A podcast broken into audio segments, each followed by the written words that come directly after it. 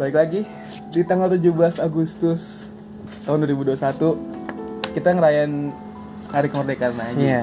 Ke 70 nah, pasti nggak lepas dari kata bersyukur ya nggak sih? Iya. Bener gak? Karena ya kita nggak mau ngapain iya. perjuangan ya pahlawan lain ya tapi kita tetap menghargai kan lo kata kita tetap berjuang Iya, tetap buat berjuang. Indonesia lebih maju. rebahan ya Iya. Untuk tahun ini dan tahun kemarin. Dan tahun kemarin Iya. jadi untuk mendesak, mendesak mendesak mendesak jadi untuk pembahasan buat kali ini karena vibe-nya Tema tema 17-an. 17-an lagi lagi hawa-hawa 17-an kemerdekaan jadi kita bakal ngebahas lagi tentang kemerdekaan sejarah kemerdekaan Indonesia di mana awal mulanya. Siapa aja yang pernah menjajah Indonesia Iya, siapa aja yang mengikuti acara acara. Proklamasi. iya. Hmm, jadi bakal kita bahas. Mungkin ada yang udah pernah belajar mungkin ada yang ketiduran Ya. pas pelajarannya atau ada yang udah lupa. Pasti pasti pada belajar lah. Tapi pasti lu juga lupa kan?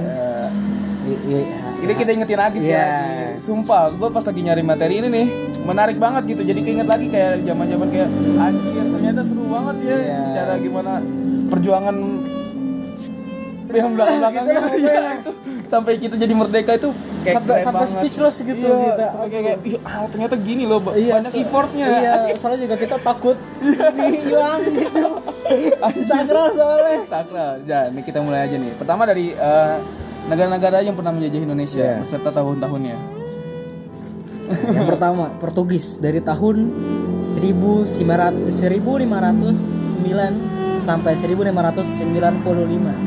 main lama ya Anjing 50 tahun, 50 tahun lebih lah. iya menjajah Yang kedua, Spanyol 1521 sampai nem- 1692.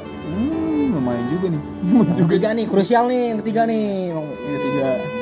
Nggak boleh kasar. Eh, iya, santai, Yang santai. ketiga, Belanda. Tahan. Nah, 1602 sampai 1942. Hmm. Lama emang setengah Lama. abad emang. Betah banget emang bocah nggak punya rumah apa? Aduh, Lepaskan tuh anjing. Aduh. Nah, yang keempat Perancis 1806 sampai 1811. Hmm. Yang kelima Inggris 1811 sampai 1816. Yang terakhir Jepang 1942 sampai 1945. Hmm. Di nah, ini banyak dari negara negara-negara itu berapa? Ada enam ya? Ada enam negara. Dan negara yang pernah menja- menjajah atau mengunjungi Indonesia kali Iya. ya. Tadi tuh. Tadi itu mungkin tadi tuh yang datang ke Indonesia. Eh, Banyak juga apa namanya peristiwa dan kejadian-kejadian selama di penjajahan-penjajahan berbagai negara tersebut. Iya. Tapi untuk kali ini kita bakal bahas tentang yang bagaimana tuh organisasi Nah, itu- cara eh, eh, apa namanya tuh? sampai proklamasi itu Iya. ter- tercapai. Nah, itu kan step by stepnya panjang kan. Lumayan. Sekarang kita mulai dari eh, pembentukan BPU BPU PKI dan PPKI. Jadi sebelumnya tuh pemerintah dan wakil rakyat seperti sekarang Indonesia punya badan penyelidik usaha-usaha persiapan kemerdekaan Indonesia Atau yang disingkat? BPU PKI Iya. dan panitia persiapan kemerdekaan Indonesia Atau disingkat? PPKI Oh. PPKI ini amp- amp- ini agak ini nih Iya sirat. Oh kiri-kiri. gue pasti itu kelas berapa sih materi kelas berapa Kelas SD kayaknya, SD ada? kelas 5 kelas 6 kalau nggak salah. Hmm, iya. udah lama berarti ya. Iya.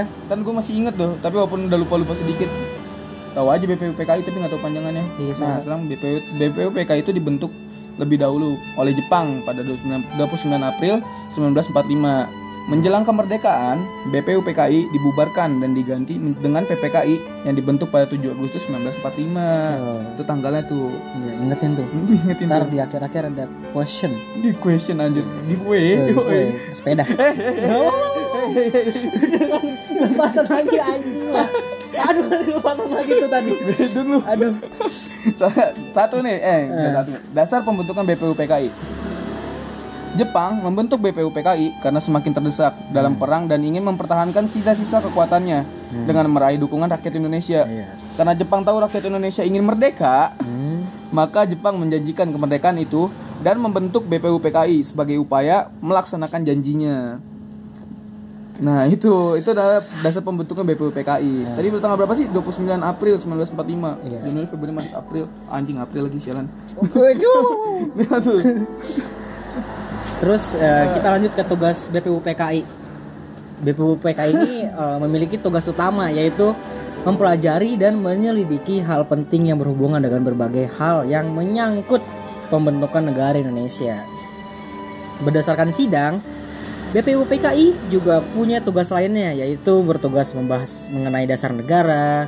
Sesudah sidang pertama, BPUPKI membentuk re- reses selama satu bulan yang bertugas membentuk panitia kecil atau yang sering disebut panitia 8 yang bertugas menampung saran-saran dan konsepsi dari para anggota. Bertugas untuk membantu panitia 9 bersama panitia kecil. Panitia 9 menghasil, menghasilkan Jakarta Charter atau Piagam Jakarta. Yang berikutnya dasar pembentukan PPKI. Bom atom yang dijatuhkan sekutu di Hiroshima pada 6 Agustus 1945 makin menyudutkan Jepang dalam perang.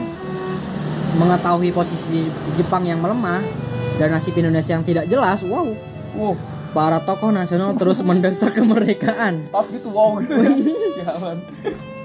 Untuk melunasi janji kemerdekaannya, perwira tinggi Angkatan Darat Jepang di Saigon, ha Hiachi Terauchi, menyetujui pembentukan Wow. waduh anjing Menye- menyetujui pembentukan Dokuritsu Junbi Inkai atau yang sering atau yang disebut PPKI. Tugas PPKI adalah melanjutkan tugas BPUPKI dan mempersiapkan kemerdekaan Indonesia. Dikutip dari situs Kementerian Pendidikan dan Kebudayaan, dalam perjalanannya, PPKI melanjut mela- melakukan tiga kali sidang. Sidang ini baru digelar setelah proklamasi kemerdekaan. Sidang pertama digelar pada tanggal 18 Agustus 1945 dengan putusan mengesahkan Undang-Undang Dasar 1945, memilih Soekarno sebagai presiden dan Muhammad Hatta sebagai wakil membentuk komite nasional untuk membantu tugas presiden sementara sebelum dibentuknya MPR dan DPR. Sidang kedua pada tanggal 19 Agustus 1945 yang menghasilkan pembagian wilayah Indonesia yang terdiri atas 8 provinsi, membentuk komite nasional atau daerah, menetapkan 12 departemen dengan menterinya yang menggepalai departemen dan 4 menteri agama. Sidang ketiga pada 22 Agustus 1945 menghasilkan keputusan pembentukan Komite Nasional, pembentukan Partai Nasional Indonesia, pembentukan Badan Keamanan Rakyat atau Tentara Nasional Indonesia. Akhirnya pada tanggal 29 Agustus 1945 PPKI dibubarkan bersamaan dengan pelantikan anggota Komite Nasional Indonesia Pusat Pus- Pusat Hmm. gitu. PPKI itu mungkin apa ya? eh, ini garis besarnya aja ya. Maksudnya dipersingkat. Itu yang inti-intinya aja dari dari BPUPKI dan PPKI ini. Iya. Masih ada beberapa singgungan atau selisih paham antara pas rapat BPUPKI atau PPKI kan. Oh, iya. Atau pas dasar-dasar negara tuh dapatin kan Ah. selisih paham tuh. Yang satu mau jadi negara yang ke timur-timuran. Yang satu lagi tidak setuju. Akhirnya akhirnya ditengahin lah. Tengahin lah. Untung Itu pas lagi bikin ini kan apa yang Pancasila itu Iya, kan, yang- awalnya bukan ketuhanan yang Maha Esa gitu. Iya, yang satu kan agak ini agak mengerucut, mengerucut, mengerucut. Iya. Nah, fokus satu satu objek. Iya. Bagus objek anjing. Gak enak gue sebutnya anjir maksudnya. Sa- sa- Ya, iya, pokoknya gitulah. itu. Objek deh, iya. Hmm, satu apalah itu katanya itu.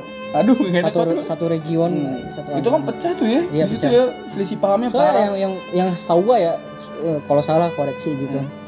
Yang bagian timur tuh nggak setuju. Iya, bagian timur benar. Indonesia nggak Ah, setuju kan. setuju. Akhirnya kayak Mau entah itu demo atau apa nggak tahu gua. yang gue inget dia ngancem mau ngelepas negara sendiri, mau bikin Oh. negara sendiri dia, mau bikin negara sendiri. Pada akhirnya sama presiden itu di, di, lah. di itulah ditengahin diganti lagi gitu sih. Nah itu keputusan yang bijak banget buat gue menurut gue dah. Soalnya kan lumayan loh, gede loh. Wih Indonesia Sui anjir kalau gede juga lu. udah nah itu maksud Iya. tadi BPUPKI dan BPKI sekarang kita masuk ke proklamasi anjir proklamasi aduh berat berat Nggak boleh salah, sumpah, Iya, nggak boleh salah. sumpah Gue dulu PKN salah nggak dapet nilai anjing, ulang terus. susah susah Tapi nggak nggak harus satu nggak harus satu napas, nggak kayak Iya. bahasa nggak kayak baca Quran. maksudnya nggak nggak naskah proklamasi ini nggak kan itu ntar ada di di akhir di akhir Iya. ini ada langsung langsung langsung dari yang punya yang ngomong Iya, punya kita semua maksudnya. Iya. Nggak Dari ada yang bikin gitu. Iya, dari bikin salah salah ucap gua anjing. Nah, kita masuk ke proklamasi. Naskah proklamasi disusun oleh Soekarno, Hatta dan Suba- Subarjo di ruang makan milik Laksamana Maeda. Wih, keren banget namanya nih. Laksamana. Suka tuh Namanya namanya. keren. naskah tersebut selesai dibuat dalam waktu 2 jam. Kemudian naskah diserahkan kepada Sayyidu Melik untuk diketik. Dalam proses pengetikan, Sayyidu Melik didampingi oleh BM Dia. Barulah naskah diserahkan kembali kepada Soekarno untuk ditandatangani. Soekarno harus menghadapi terjadinya peristiwa Renas Dengklok sebelum membacakan teks, teks proklamasi kemerdekaan Indonesia. Renas Dengklok nih gue paling suka loh, apa bukan paling suka maksudnya apa ya? Paling buat tersentuh gitu, iya, kayak merinding anjing. Benar-benar kayak merinding banget. Kayak gue pas mulai belajar yang tentang peristiwa Renas Dengklok nih kayak ngerasain banget di dalam situ kayak gue ikut Kayak- kayak ikut nimbrung iya, gitu lagi. wow, berita figuran itu Iya, kayak anjing gitu kayak kayak eh, gue ternyata bagian dari kemerdekaan anjing. Iya, gitu, kacau iya, kacau. ah peristiwa tersebut ditandai dengan menyerahnya Jepang kepada sekutu. Hmm. namun hal itu justru menimbulkan masalah baru menjelang kemerdekaan Indonesia Soekarno harus menghadapi terjadinya peristiwa Renas Dengklok sebelum eh udah baca tadi ya? Iya. sorry sorry. Namun hal itu just eh anjir balik lagi. Astaga maaf maaf maaf. Eh, segera dila- namun menyerahnya Jepang kepada sekutu membuat beberapa orang beberapa nah namun menyerahnya Jepang kepada sekutu membuat beberapa orang ingin kemerdekaan Indonesia segera dilakukan.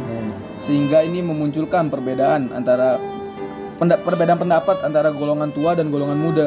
Nah jadi Renas Dengklok nih inti masalahnya ini antara perbedaan pendapat antara beda ini beda apa? Beda generasi. generasi benar beda generasi.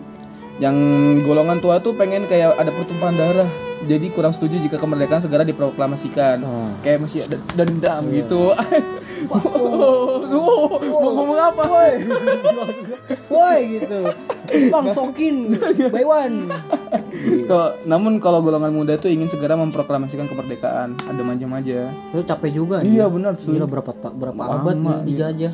belum udah ngerasain berapa berapa generasi ya? Iya Rangkaian peristiwa itu terus, terus berlanjut hingga Soekarno dan Muhammad Hatta diculik oleh beberapa pemuda. Hmm. Nah nih, krusial nih. Lanjut. Uh, detik-detik proklamasi para pemimpin bangsa dan tokoh pemuda sepakat untuk memproklamasikan kemerdekaan bangsa Indonesia Proklamasi kemerdekaan dilakukan di sebuah rumah yang berlokasi di Jalan Pe- Pegangasan Timur nomor 6 56 Jakarta Timur pada pukul 10 waktu Indonesia bagian barat. Covid.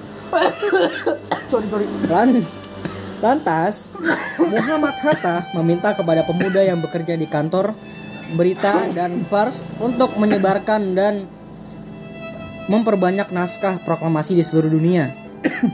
Pada momen tersebut, bendera Indonesia juga sudah disiapkan. Bendera itu dijahit oleh Fatmawati Soekarno. Hingga akhirnya Soekarno dan Hatta atas nama bangsa Indonesia membacakan naskah proklamasi kemerdekaan Indonesia pada pukul 10 waktu Indonesia bagian barat. Baik sebelum penutupan dari eh, episode kali ini, mari kita mendengarkan dengan secara syahdu gitu. Eh, apa namanya pidato proklamasi dari Insinyur Soekarno. Selamat menikmati dan merdeka. Proklamasi Kami Bangsa Indonesia Dengan ini Menyatakan Kemerdekaan Indonesia Hal-hal yang mengenai pemindahan kekuasaan Dan lain-lain Diselenggarakan Dengan cara saksama dan dalam tempo yang sesingkat-singkatnya. Jakarta, 17 Agustus atas nama bangsa Indonesia Soekarno Hatta.